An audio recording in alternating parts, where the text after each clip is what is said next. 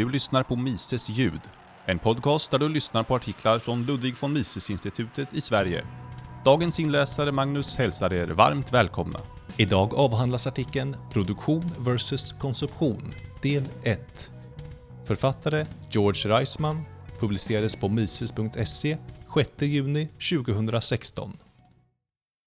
Det finns två grundläggande sätt att se på det ekonomiska livet. Det ena synsättet dominerade 1800-talets ekonomiska filosofi under inflytande av de brittiska klassiska ekonomerna som till exempel Adam Smith och David Ricardo. Det andra synsättet dominerade 1600-talets ekonomiska filosofi under inflytande av merkantilismen och har återkommit och dominerar nu 1900-talets ekonomiska filosofi. Till stor del under Lord Keynes inflytande. Vad som skiljer dessa två synsätt är följande. Under 1800-talet identifierade ekonomerna det ekonomiska livets grundproblem som hur produktionen ska kunna ökas. Underförstått eller uttryckligen uppfattade de grunden både för ekonomisk verksamhet och ekonomisk teori som det faktum att människans liv och välbefinnande är beroende av produktion av rikedomar. Fotnot 1. Det tycks inte finnas något bättre ord för wealth på svenska än just rikedomar. Men eftersom rikedom på svenska normalt är en synonym för förmögenhet, överflöd eller välstånd är en kort definition på sin plats. Min engelska ordbok definierar det som alla varor och resurser som har ekonomiskt värde. Och Reismans egen definition i Capitalism är materiella varor som tillverkats av människan. Alla varor som tillverkats av människan och alla naturresurser som utnyttjas av människan. Alla ekonomiska varor ingår i begreppet rikedomar, till skillnad från gratisvaror som luft, vind, vatten och solsken. Åter till texten. Människans natur får henne att behöva rikedomar. Hennes mest elementära omdömen får henne att önska rikedomar. Problemet, menade de, är att producera dem. Den ekonomiska teorin kunde därför ta önskan att konsumera för given och fokusera uppmärksamheten på med vilka medel och metoder produktionen skulle kunna öka. Under 1900-talet har ekonomerna återgått till det rakt motsatta synsättet. Istället för att förstå problemet som hur man kontinuerligt ska kunna öka produktionen när man står inför ett obegränsat begär efter rikedomar, som är resultatet av de obegränsade möjligheterna att bättre tillfredsställa människans behov, svävar man i villfarelsen att problemet är att öka begäret att konsumera, så att konsumtionen ska kunna avpassas efter produktionen. Den ekonomiska teorin under 1900-talet tar produktionen för given och fokuserar uppmärksamheten på medel och metoder som ska kunna öka konsumtionen. Den förfar som om det ekonomiska livets problem inte vore att producera rikedomar utan att producera konsumtion. Dessa båda diametralt motsatta och ömsesidigt uteslutande grundpremisser beträffande det ekonomiska livets grundproblem spelar samma roll i den ekonomiska teorin som motstridiga metafysiska läror gör inom filosofin. Punkt för punkt resulterar det i motsatta slutsatser eller i att man för fram motsatta skäl för samma slutsats. På ett så genomgripande och så grundläggande sätt bestämmer det den ekonomiska teorin att det ger upphov till två fullständigt olika ekonomiska tankesystem. Två sätt att se på sysselsättning. Om man ansluter sig till 1800-talets produktionistiska premiss inser man först av allt att det inte finns något sådant problem som att skapa arbetstillfällen. Det finns ett problem med att skapa lönande arbeten, men inte arbeten. Hela tiden, menar produktionisten, finns det lika mycket arbete att utföras, lika många potentiella arbetstillfällen, som det finns otillfredsställda mänskliga begär som skulle kunna tillfredsställas med större produktion av rikedomar. Och eftersom dessa begär är obegränsade är den mängd arbete som behöver utföras, antalet potentiella arbetstillfällen, också obegränsad. Att använda fler och bättre maskiner, hävdar produktionisten, orsakar därför inte arbetslöshet. Det gör det bara möjligt för människor att, i den mån de inte föredrar ledighet, producera mer och på så sätt sörja för sina behov fullständigare och på ett bättre sätt. Att förlänga arbetstiden eller att anställa kvinnor, barn, utlänningar eller människor av minoritetsraser eller minoritetsreligioner berövar inte heller någon sysselsättning. Det möjliggör helt enkelt ökad produktion. Om man ansluter sig till 1900-talets konsumtionistiska premiss ser man helt annorlunda på maskiner och på att fler människor ges sysselsättning. Man betraktar varje ökning av produktionen som ett hot mot någon del av vad som redan produceras. Man föreställer sig att produktionen begränsas av begäret att konsumera. Man fruktar att detta begär kan vara otillräckligt och att en ökning av produktionen inom vilken del av ekonomin som helst därför måste framtvinga en minskning av produktionen inom någon annan del. Följaktligen fruktar man att det arbete som utförs av maskiner gör att det blir mindre arbete kvar att utföras av människor. Att det arbete som utförs av kvinnor gör att det blir mindre arbete kvar att utföras av män. Att det arbete som utförs av barn gör att det blir mindre arbete kvar att utföras av vuxna. Att det arbete som utförs av judar gör att det blir mindre arbete kvar att utföras av kristna. Att det arbete som utförs av svarta gör att det blir mindre arbete kvar att utföras av vita. Och att somligas extra arbete betyder brist på arbete tillgängligt för andra. Varken produktionisten eller konsumtionisten önskar långa arbetsdagar eller barnarbete. Här kommer de båda så tillvida fram till samma slutsats. Men deras skäl skiljer sig helt och hållet åt. Konsumtionisten önskar inte dessa saker därför att han tror att det finns problem med vad man ska göra med de resulterade produkterna om inte andra produkter ska upphöra att produceras och att andra arbetare ska bli arbetslösa. Produktionisten önskar inte långa arbetsdagar eller barnarbete därför att han inte sätter något värde på trötthet eller för tidig utmattning. Problemet är i produktionistens ögon inte vad man ska göra med de ytterligare produkter som produceras med längre arbetsdagar eller med barnarbete. Endast ett starkt behov av dessa ytterligare produkter framkallar detta ytterligare arbete. Utan hur man ökar arbetets produktivitet till en nivå där människor kan ha råd med mer fritid och att klara sig utan sina barns arbete. Rikedomar genom knapphet Eftersom konsumtionisten föreställer sig att produktionen begränsas av önskan att konsumera snarare än att konsumtionen begränsas av förmågan att producera värdesätter han inte rikedomar utan avsaknad av rikedomar.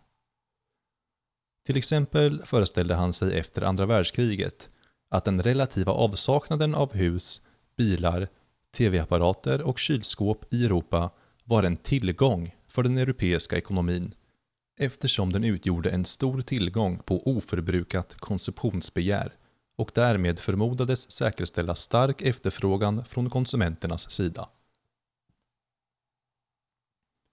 Likaledes föreställde han sig att det relativa överflödet av dessa varor i Förenta Staterna var en belastning för den amerikanska ekonomin eftersom det utgjorde en förbrukad tillgång på konsumtionsbegär och därmed förmodades säkerställa endast en svag efterfrågan från konsumenternas sida. Konsumtionisten drar slutsatsen att välstånd beror på avsaknad av rikedomar och att fattigdom följer av överflöd på rikedomar eftersom denna ovärdeliga vara, begäret att konsumera, på vilken tillgången är mer begränsad än tillgången på diamanter, produceras genom avsaknad och konsumeras genom förekomst av rikedomar. Det är enligt denna princip som konsumtionisten uppskattar krig och förstörelse som källor till välstånd och menar att fattigdom under depressioner beror på överproduktion. Konsumtionisten tror inte att förstörelse av rikedomar är det enda sättet att uppnå välstånd. Även om han tror att det är svårt att genomföra hyser han förhoppningar om att tillgången på hans vara, begäret att konsumera, icke desto mindre kan ökas med positiva mått och steg. Ett sådant mått och steg är ett högt födelsetal. Genom att låta nya människor komma till världen för man också in ett ökat konsumtionsbegär i världen. Att det existerar ett stort antal människor, säger konsumtionisten till affärsmannen, kommer att göra det möjligt för företagen att hitta någon att avyttra sina annars överflödiga varor på. Företagen kommer att blomstra eftersom deras tillgång på varor kommer att finna en motsvarighet i en tillräcklig tillgång på begär efter varor. I avsaknad av ett högt födelsetal, eller tillsammans med ett högt födelsetal, tror konsumtionisten att reklam kan framkalla något nytt begär hos annars övermätta konsumenter och, på ett annat plan, hävdar konsumtionisten att tekniskt framåtskridande kan ge nya användningsområden för en ökande tillgång på kapitalvaror som annars inte skulle kunna avsättas till investeringar. Eller, om allt annat misslyckas, kan man räkna med att staten ska kunna tillhandahålla obegränsad konsumtion, till och med i avsaknad av begär. Eller kanske är ett land, hoppas konsumtionisten, så lyckligt lottat att det är i fara att angripas av främmande fientliga makter och därför måste stå inför nödvändigheten att upprätthålla ett starkt militärt försvar. I vilket era fallet föreställer sig konsumtionisten att staten ska kunna främja välståndet genom att byta sin konsumtion mot folkets produkter. Produktionen begränsar konsumtionen. Produktionisten ser förstås annorlunda på saken. Han hävdar att det alltid utgör en kostnad för föräldrarna att föda och uppfostra barn. När föräldrarna sätter barn till världen måste de lägga ut pengar på dem som de annars skulle ha lagt ut på sig själva. Föräldrarna kan förstås, och kommer förhoppningsvis, att anse att det är bättre och roligare att lägga ut pengarna på barnen, men det är ändå en kostnad. Och om de har tillräckligt många barn kommer de att bli fattiga. Detta är ett faktum, hävdar produktionisten, som vem som helst kan observera i vilken stor familj som helst som inte har motsvarande stora inkomster. Förekomsten av barn får inte föräldrarna att lägga ut mer pengar än de annars skulle ha gjort, utan bara att lägga dem på andra saker än de annars skulle ha gjort. De köper barnmat, leksaker och cyklar istället för fler måltider på restaurang, en bättre bil eller dyrare semestrar. Produktionen stimuleras inte. Produktionen tar bara en annan riktning eftersom efterfrågan blir annorlunda fördelad. Den enda ökning av produktionen som skulle kunna äga rum, hävdar produktionisten, skulle vara ett resultat av att föräldrarna måste ha extra knäck eller arbeta övertid för att försörja sina barn och ändå kunna behålla sin tidigare levnadsstandard. Och när barnen växer upp kommer den utökade marknaden som det förmodas utgöra för hus och bilar och liknande endast att materialiseras i den mån som de själva kan producera motsvarigheten till dessa saker och därigenom tjäna pengar att köpa dem för. Det kommer endast att vara tack vare deras produktion, inte tack vare deras önskan att konsumera, som de kommer att kunna utgöra en utökad marknad. Reklamen och konsumenten Reklamen, menar produktionisten, skapar inte någon önskan att konsumera om inget begär efter fler varor annars skulle ha existerat.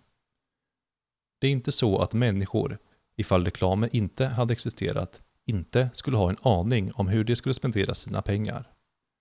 Reklam behövs inte, och det skulle inte vara tillräcklig för att få vegeterade varelser att vakna upp och bli människor. Vad reklamen gör är att den leder människor till att konsumera annorlunda och på ett bättre sätt än de annars skulle ha gjort.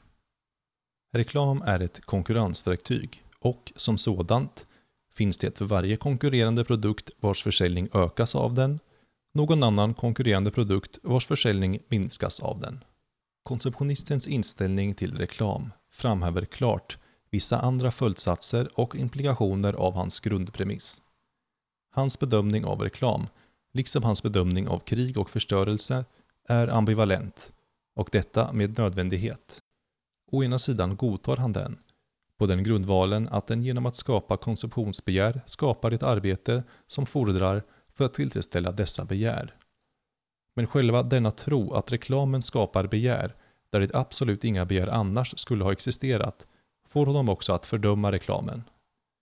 För om det vore sant att människorna i avsaknad av reklam skulle vara fullkomligt nöjda med mycket lite, måste det begär som skapas av reklamen förefalla endast vara ytliga och i grunden onödiga och onaturliga. Och det är just så här som konsumtionisten betraktar sådana begär. I hans ögon utgör alla begär som människor har efter varor, utöver vad som är nödvändigt för att möjliggöra blott och bar fysisk överlevnad och en vegetativ tillvaro, en onaturlig smak för lyxvaror. Dessa begär anser konsumtionisten vara i sig onödiga. Det enda som rättfärdigar dem är att de skapar arbete. Konsumtionistens uppfattning om merparten av den ekonomiska verksamheten är därför att den utgör meningslös verksamhet och att list och bedrägeri fordras för att få människor att begära varor som de inte har något behov av, för att få dem att tillbringa sina liv med att producera just dessa varor. Hur paradoxalt det till en början än må verka, är det produktionisten som sätter värde på konsumtionsbegär. Enligt hans uppfattning är begäret efter lyxvaror viktigt. Det är nödvändigt och naturligt. För det är ingenting annat än önskan att tillfredsställa ens inneboende behov. Inbegripet behovet av estetisk tillfredsställelse. På ett allt bättre sätt. Det är från den vikt som är förknippad med tillfredsställandet av begäret efter lyxvaror, hävdar produktionisten, som vikten av det arbete som fordrar för att producera dem härleds, inte vice versa. Denna uppsats publicerades ursprungligen i The Freeman i oktober 1964. Översättning till svenska av Per-Olof Samuelsson. Fortsättning följer i del 2.